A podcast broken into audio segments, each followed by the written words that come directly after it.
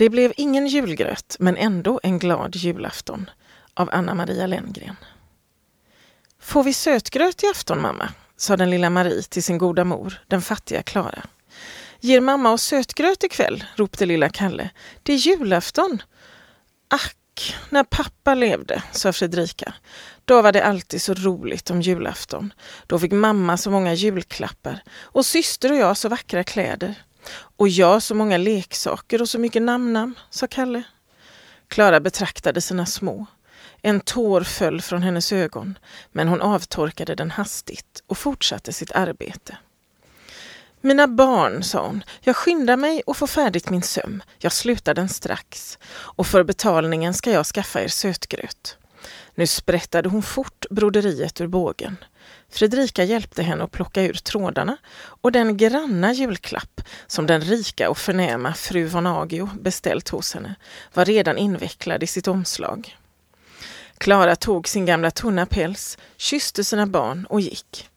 Många långa gator ifrån Klaras koja var fru von Agios palats beläget, men iven, kölden och bekymret skyndade hennes steg. Nu var hon redan där.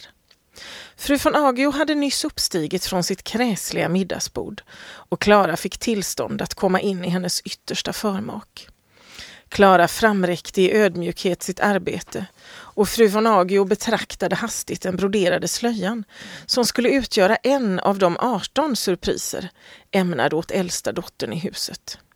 Kors vad ni är långsam, utbrast fru von Agio.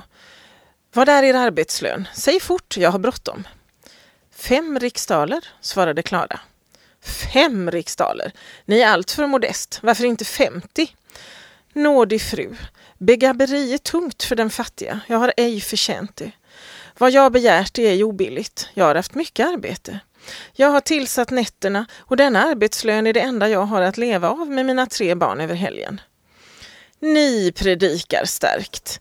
Vem har bett er sy om nätterna? Vem rår väl för att ni har tre barnungar? Se här två riksdaler, ert arbete är väl betalt. Farväl.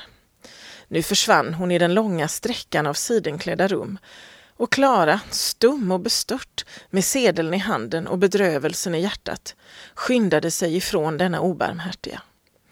Hon gick i sorgliga tankar över sin motgång och överlade hur hon bäst skulle använda denna otillräckliga penning i sina många behov, då hastigt en man hejdade hennes gång och påminte henne om en gammal räkning som han genast fordrade betald. Kom här in i min bord, sa han, och betala mig de lumpna fem riksdaler, varför jag så ofta måste kräva er. Klara följde honom för att undvika de förbigåendes uppmärksamhet och i hopp om att kunna beveka honom till tålamod. Hon föreställde honom med nödens bevekande röst omöjligheten att nu gottgöra hans fordran och berättade att den lilla sedel hon fått var allt hon ägde. Historier och undanflykter, skrek han och ryckte sedeln ur hennes hand. Jag avskriver dessa två riksdaler på räkningen och till nyåret ska ni betala det övriga. Med en djup suck och en bitter hemsk känsla över sitt hårda öde vände den stackars Klara alldeles tomhänt hem till sin boning.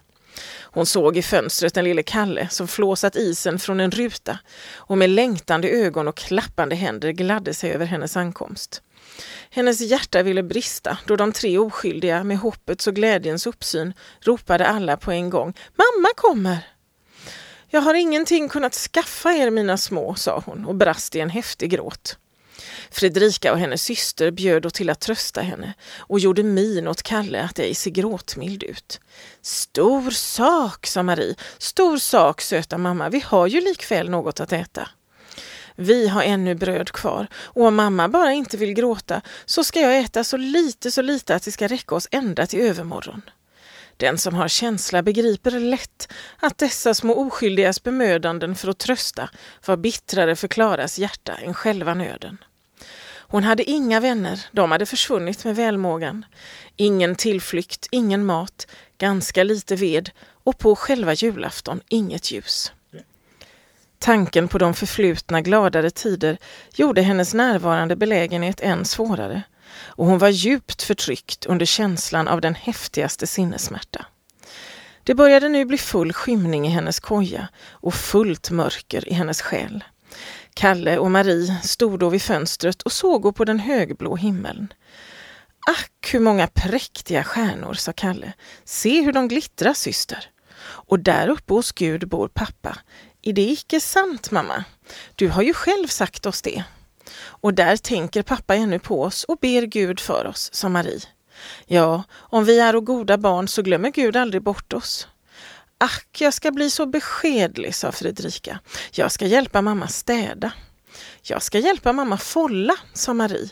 Och ja, sa den lille Kalle, jag ska läsa så flitigt min lilla bön. Gud som haver barnen kär.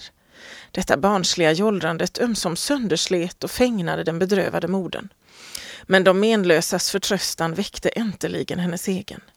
En gnista av hopp tändes i hennes hjärta och det blev ljusare i själva mörkret omkring henne. Hon stod upp, gjorde en liten brasa i kakelugnen och satte sig med sina små omkring den för att under väntan på tiden till en torftig och knapp aftonvard sjunga en vacker julsalm. Klara tog nu psalmboken och började med hjärtlig andakt. Av himmels höjd jag kommen är, Gott budskap jag till eder bär, svarade en man i reskläder som hastigt slog upp dörren och flög den förvånade Klara i famnen. Ack se farbror Adolf, skrek de små. Ack se svåger Adolf, ropade Klara utom sig av glädje. Den hederliga Adolf hade varit lycklig på sin ostindiska resa och kom nu direkt från Göteborg att söka upp sin beskedliga svägerska, vars enkestånd och fattigdom han vid sin hemkomst fått höra. Han lät bara in en koffert full med nankin, bomullslärfter, silkesdukar etc. åt den goda Klara och hennes barn. Gott vin i flaskfodret och friska pengar i bröstfickan förbytte snart sorgens hemvist till glädjens boning. Klockan var redan slagen sju på afton, men hastigt blev det ljus i huset. Järpar från källan och saffransbullar på bordet. Julgröt kunde ej fås, men den saknades icke.